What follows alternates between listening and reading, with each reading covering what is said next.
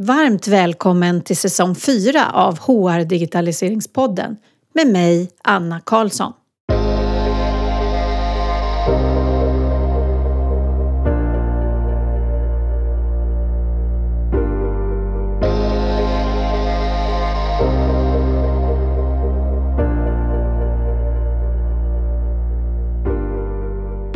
Den här gången har jag ingen gäst i studion utan ni får bara lyssna på min röst. Jag tyckte det var dags att prata om ordet digitalisering och vad digitalisering HR egentligen står för. När jag startade podden angrep jag frågan på ett annat sätt, men på tre år har jag lärt mig massor och utvecklat mina tankar. Som förberedelse inför inspelningen lyssnade jag på de två första avsnitten av podden som hette Vad är digitalisering? och Vad är digitalisering del 2? Och jag var glad att höra att de avsnitten fortfarande håller och att de tar upp saker som jag inte tar upp här idag, till exempel definition av en del termer som big data, cloud, HR-system och så vidare. I det här avsnittet har jag fokus på vad digitalisering egentligen betyder och vad det betyder för HR och fokuserar mer på de olika stegen av digitalisering. Jag hoppas att ni alla efter avsnittet svarar på min enkät där jag frågar vilken nivå av digitalisering ni ligger på i er organisation. Så när du lyssnat klart så hittar du länken i avsnittstexterna eller på poddens hemsida hrdigi.se podcast.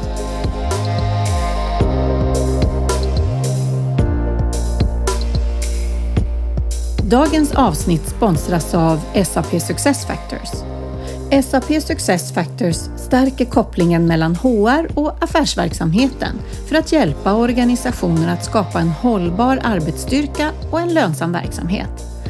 SAP Success Factors Human Experience Management Suite, det man förkortat kallar HXM-sviten, hjälper både anställda och företag att bli sitt bästa genom att spänna över masterdata, lön, talanghantering, HR-analys, arbetskraftsplanering och individanpassade medarbetarupplevelser. Vill du veta mer? Besök www.sap.com successfactors.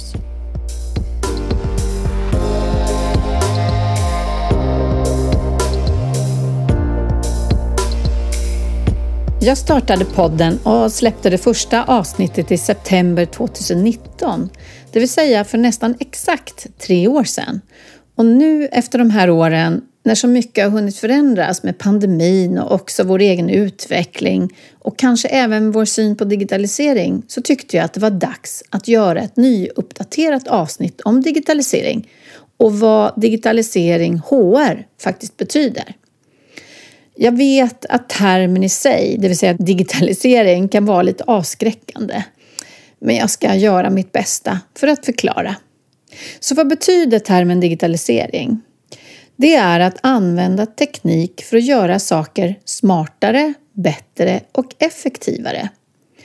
Och digitalisering för HR, det betyder att göra saker som är smartare för både HR-avdelningen men också för dina human resources. Det vill säga alla medarbetare, chefer, ledning men specifikt i deras förhållande som human resources, alltså till organisationen. Det finns också några andra ord och termer på det här området eh, när man pratar om digitalisering. Och digitaliseringsbegreppet då är ett väldigt vitt begrepp. På engelska finns det två begrepp och det är digitize and digitalize. I Sverige kan man se istället för att man säger digitalisera så kan man säga digitisera.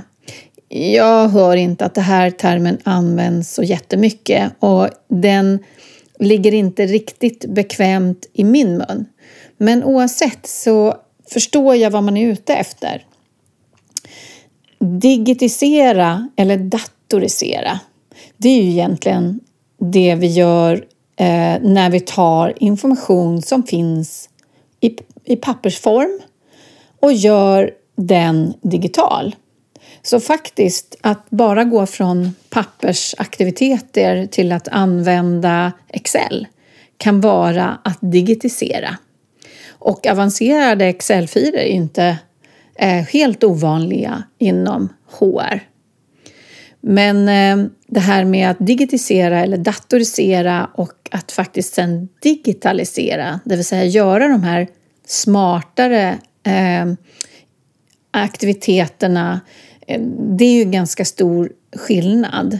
Det vill säga smartare, bättre och effektivare. Det är det vi pratar om.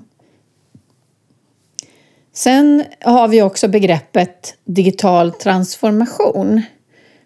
Och det, det handlar ju egentligen om själva förändringen som digitaliseringen medför. Digital transformation det är att göra saker på nya sätt där teknik är en av beståndsdelarna. Man pratar om digital transformation i form av företag som gör saker på helt nya sätt. Jag tänker på Airbnb som inte fanns innan det fanns de digitala möjligheterna. Det vill säga att du kan boka någon annans hem att bo i. Det gör ju för att det är ju möjligt för att vi alla är uppkopplade. Så det är ju en digital transformation av en bransch.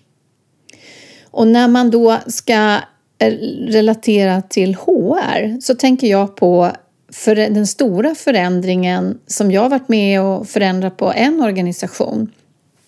Det är hela beteendet kring hur vi arbetar med medarbetarinformation, rekrytering, utveckling. Och där man tidigare som medarbetare och chefer gick och knackade på dörren till HR-avdelningen och där satt det folk som tog emot dina frågor och svarade i telefon på eh, dina ärenden. Och även din information tog de hand om i pappersform. Och eh, den stora digitala transformationen det är just när man går i ett skifte från att det är på det här sättet, väldigt manuellt. Men sen så går man över till att istället blir digitalt, det vill säga du kan sitta vid ditt skrivbord eller från din telefon och eh, eh påverka och eh, anpassa den information som finns om dig, skicka in förfrågningar och eh, liknande och att du inte får gå till det där kontoret. Det är ju en digital transformation. Och eh, alla de här sakerna som sagt hänger ju ihop och därför är det också så viktigt när du själv har tänkt dig att du ska digitalisera eller digitisera att du också har förändringstanken med dig och eh, utbildningstanken och allt vad det kan innebära. Men det finns det andra avsnitt som handlar om. För att komma tillbaks vad som driver mig att driva den här podden och alla andra aktiviteter jag håller på med som utbildning eh, i digitalisering till exempel. Det hänger ihop med den här förändringen som har skett de här senaste åren. Men i första hand så handlar det ju om att jag älskar människor Eh, och jag älskar också möjligheterna med digitalisering. Så två olika saker, människor, människors beteenden, önskemål, eh, möjlighet, olikheter. Och möjligheten med digitalisering gör ju att vi kan tänka nytt i hur vi arbetar tillsammans. Eh, vi kan lyfta blicken och tänka nytt, öppna sinnet. Vi kan skapa bättre, friskare och mer lönsamma arbetsplatser. Och vi kan få en större möjlighet till inkludering. Och det var något jag skrev om lite grann i senaste nyhetsbrevet i augusti. Senaste förresten, jag vet ju faktiskt inte exakt när det här släpps, men jag tror det är det senaste nyhetsbrevet. Det som skickades ut den 29 augusti. Digitalisering kan ju också vara lite skrämmande om man inte är så teknikintresserad. Det kan kännas som ett väldigt stort steg att ta att jobba med digitalisering, att bry sig om digitalisering. Och jag vill ju göra det här enklare för dig. Att du ska kunna förstå och diskutera med dina kollegor mm, i de här viktiga frågorna. Och för tre år sedan, som sagt, när jag startade podden, då var mitt synsätt att podden och de aktiviteter jag genomförde var att hjälpa till att man inom HR skulle förstå mer. Förstå mer kring digitalisering för att inte vara så rädd för det, för att sänka tröskeln. Nu när vi är här tre år senare och vi har haft en pandemi som har påverkat oss väldigt mycket i vår förståelse så ser jag lite på ett annat sätt. Jag ser nu att det är dags att ta ett steg längre. Alla människor som jobbar på HR behöver också kunna en del om digitalisering. Och det här är att vi måste klara oss själva. Jobbar man på HR så behöver man vara självförsörjande i sin digitaliseringskompetens. För att det kommer att vara digitaliserat. Digitaliserat först och sen digitaliserat i allt som vi gör och utför. Och vi kan inte abdikera och lämna det här till eh, underbara konsulter, väldigt kompetenta, men att man ska vara beroende av det. Vi måste bli bättre beställare, vi måste kunna jobba tillsammans med IT-avdelning och verksamheten.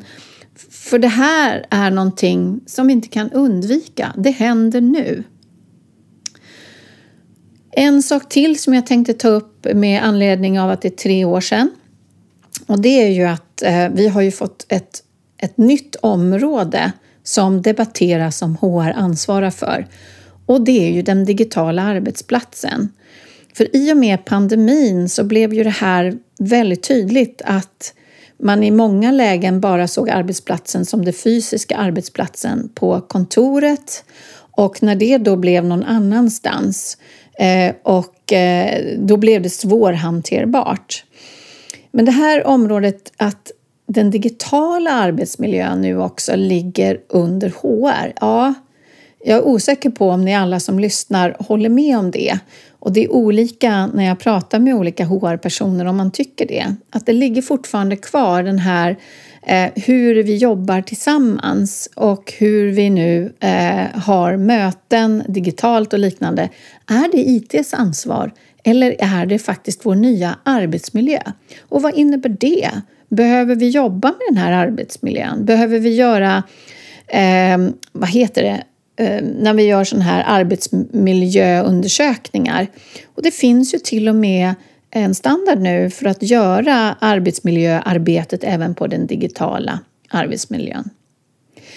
Jag kommer ju komma tillbaks till eh, spaningar på vad som hänt det senaste året och vad som trendar eh, det kommer ju lite senare i höst när mitt årliga techspaningsavsnitt kommer. Sen skulle jag vilja ta upp någonting till eh, eh, digitalisering. För att prata om termen digitalisering, vad det innebär. Och sen att kunna förstå sig på var jag befinner mig i min digitaliseringsresa eller vår digitaliseringsresa. Så har jag mer och mer under åren börjat prata om de fyra nivåerna av digitalisering. Något som Dave Ulrich först definierade och som jag har anammat och pratar om i olika sammanhang. Eh, och jag tänker att det är bra att ta upp det här också för att eh, undersökningar som jag har sett, nu är det ett tag sedan, det var i våras och nu har vi höst, men den visar på hur långt har digitaliseringen kommit i Sverige på HR-avdelningen. HR-avdelningarna ska jag säga. Och eh, de här undersökningarna visar bara, och då frågar man bara om digitalisering generellt, men när man börjar prata om de här fyra olika nivåerna, då blir det enklare att förstå. Men tyvärr så finns det ju inga undersökningar som faktiskt visar vad det står.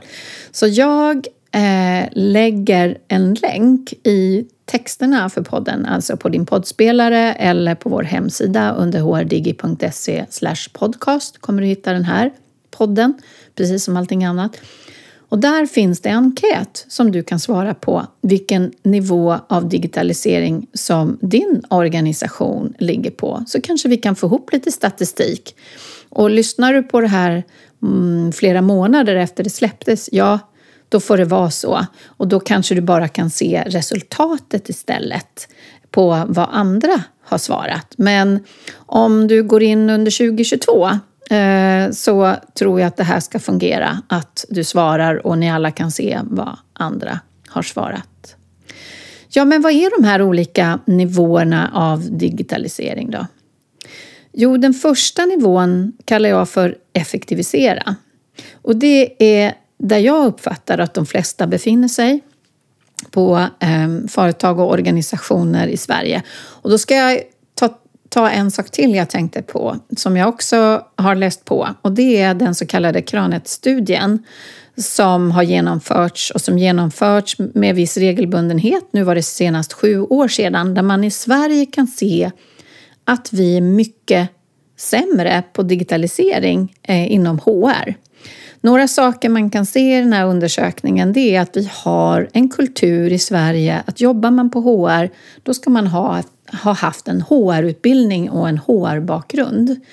Det är inte helt accepterat att komma från en annan del av verksamheten och vara HR-chef eh, eller HR-medarbetare utan man ska ha och vara grundad i, eh, i beteendevetenskap, eh, organisationsutveckling, eh, PA-linjen och så vidare.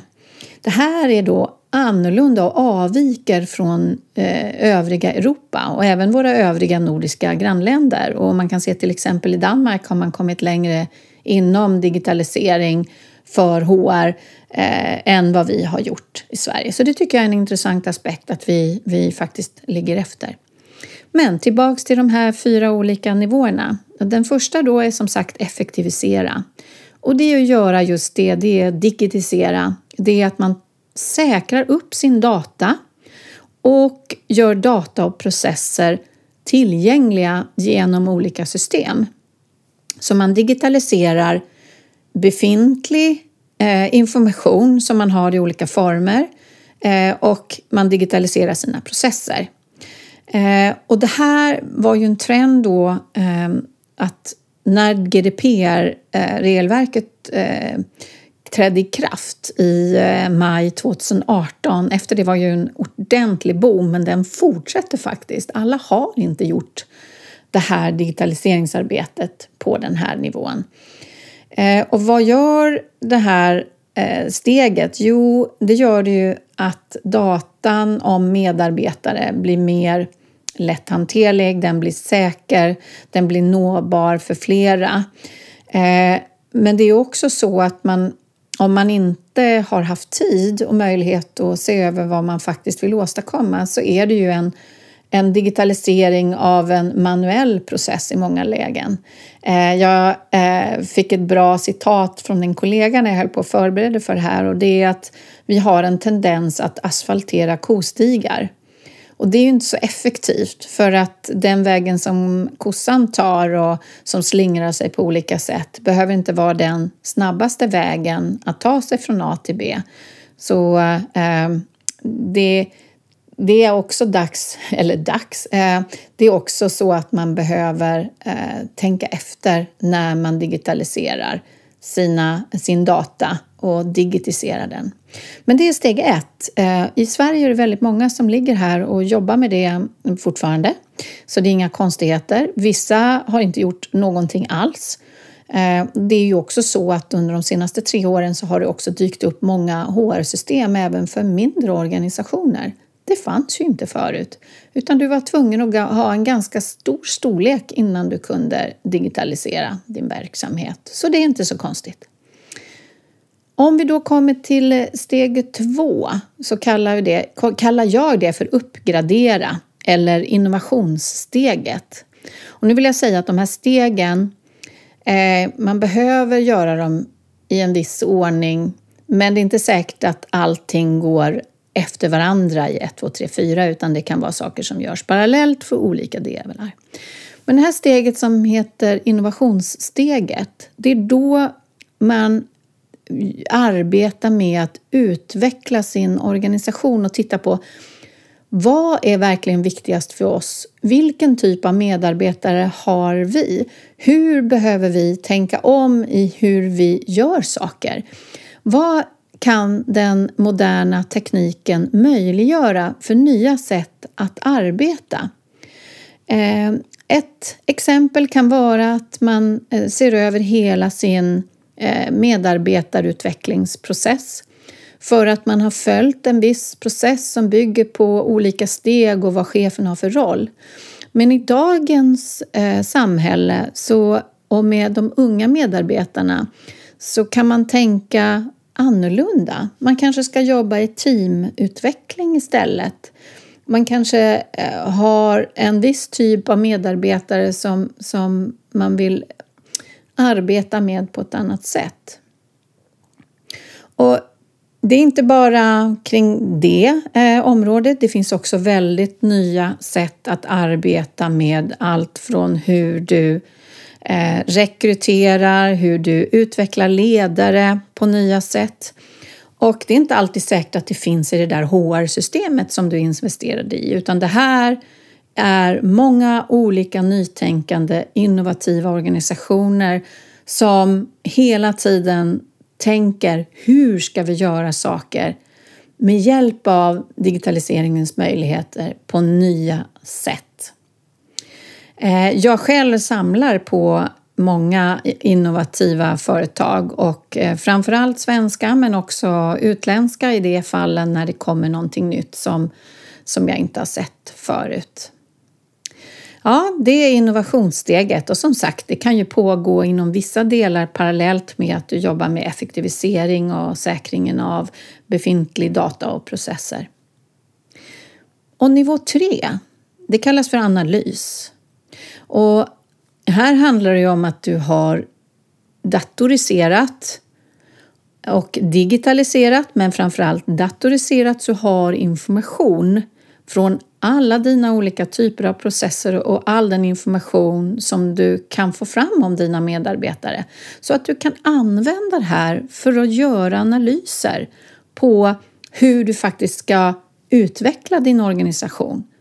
Eh, eller att du går tillbaks till det här innovationssteget innan. När du väl har fått ihop information så kan det födas tillbaka och se Ja, men om vi Eh, gör så här, vad skulle hända då? För genom ehm, eh, analys så kan du både rapportera på information, du kan eh, förstå mer kring vad som har påverkat och vad som kommer påverka i framtiden. Men du kan också jobba till exempel med simuleringar av eh, om vi gör på det här sättet, vad skulle det innebära för hur många som stannar eller hur många som rör sig inom organisationen? Och just nu när det är så svårt att få tag på kompetens så är det ju viktigt att veta mycket om sina medarbetare och hur man på bästa sätt kan driva sin organisation framåt så vi får den där eh, fördelarna i produktivitet och verksamhetsutveckling. Det finns eh, också en tanke kring att man pratar om ska man vara datadriven eller datainformerad? Och jag tänker så här att eh, datadrivet, det är en ganska hög nivå. När man väl har så mycket information och är väldigt vana vid att använda digitaliseringens möjligheter så kan man också lita på sin data och våga eh, leva mer fritt och, och, och, se att man också kan använda artificiell intelligens på toppen av sin data för att jobba eh, mer öppet, mer inkluderande. Men jag tror inte så många organisationer är där ännu utan man hellre säger att man jobbar datainformerad. Och det betyder ju att man då tar sin information och påverkar det man gör men man lägger också sin person, sitt personliga filter på informationer eller sitt personliga, organisationens personliga filter på informationen. Så det är skillnaden mellan datadrivet och datainformerat. Den fjärde nivån av digitalisering är gemenskap.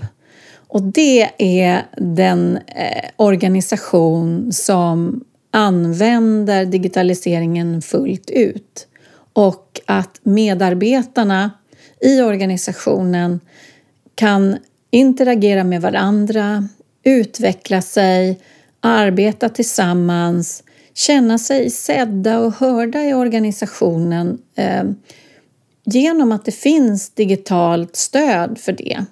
Och jag tycker det är så häftigt att jag eh, hade med en, ett företag som heter Dryft som jobbar eh, som ett hantverksbolag ska jag säga, eh, i nu kommer jag inte ihåg, jag tror det var sista avsnittet 2021, när de berättade att de använder digitalisering eh, digitaliseringsmöjligheter för att hålla en tajt företagskultur där alla kan vara delaktiga.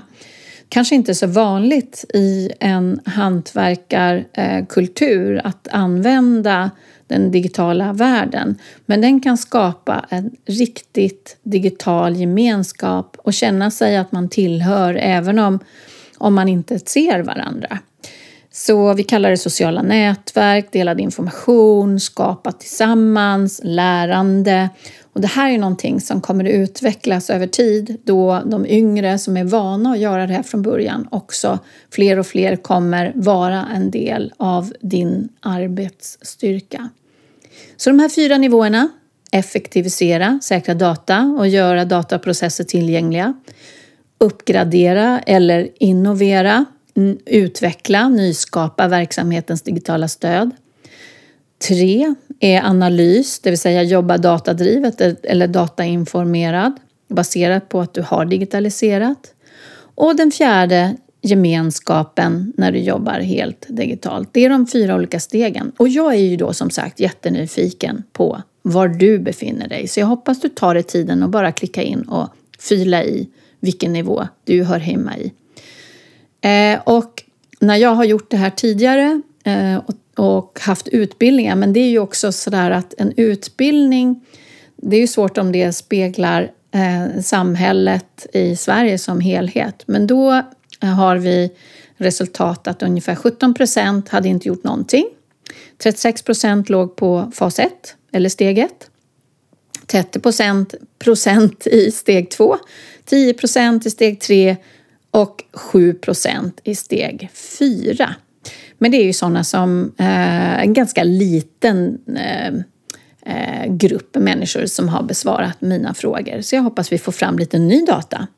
Och eh, det här med varför man då inte har kommit längre i Sverige som jag pratade om att vi eh, inte har eh, traditionen av att ha en digital kompetens som en del av HR-avdelningen eller som en del av varje HR-medarbetares eh, kompetens.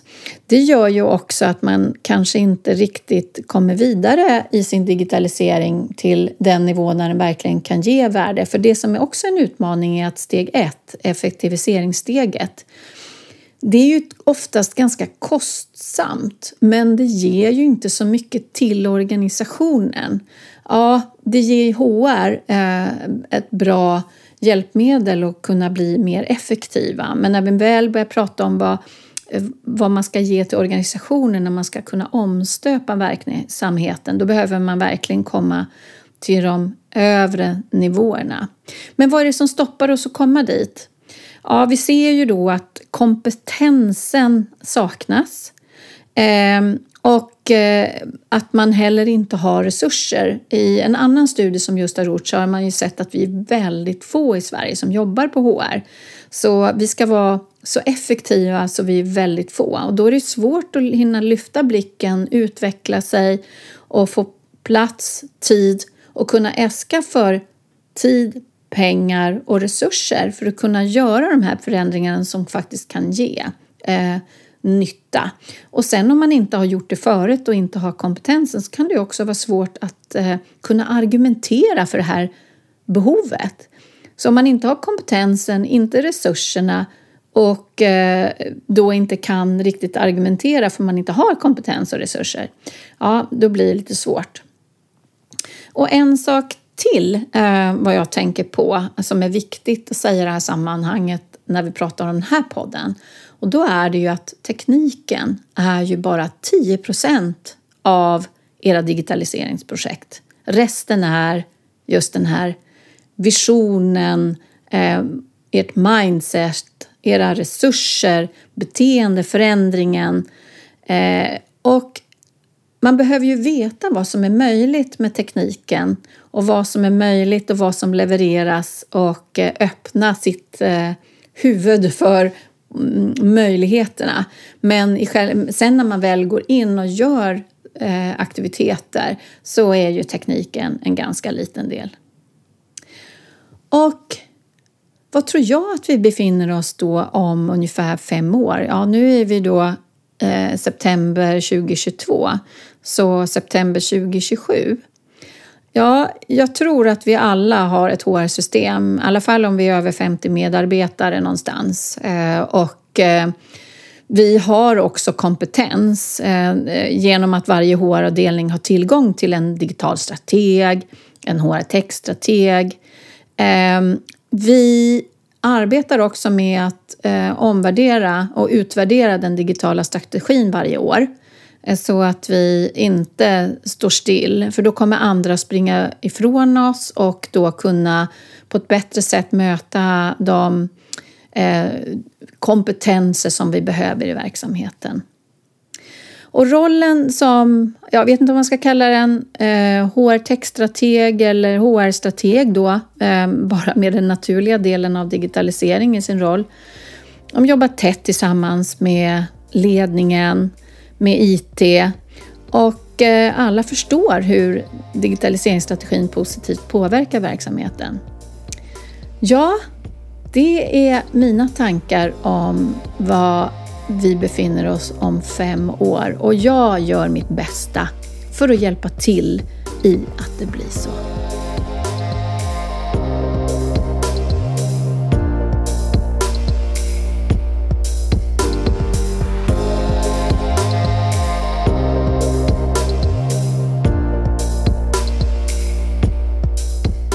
Tack för att just du har lyssnat. Podden levereras av HR Digitaliseringsgruppen och jag som pratar heter Anna Karlsson. Vi har fokus på att underlätta digitalisering för dig inom HR genom att erbjuda vår kunskap i form av poddande, konsultstöd, utbildning och mentorskap. Och på det sättet skapar vi tillsammans en digital framtid för HR. Du hittar info om både podden och gruppen på hrdigi.se.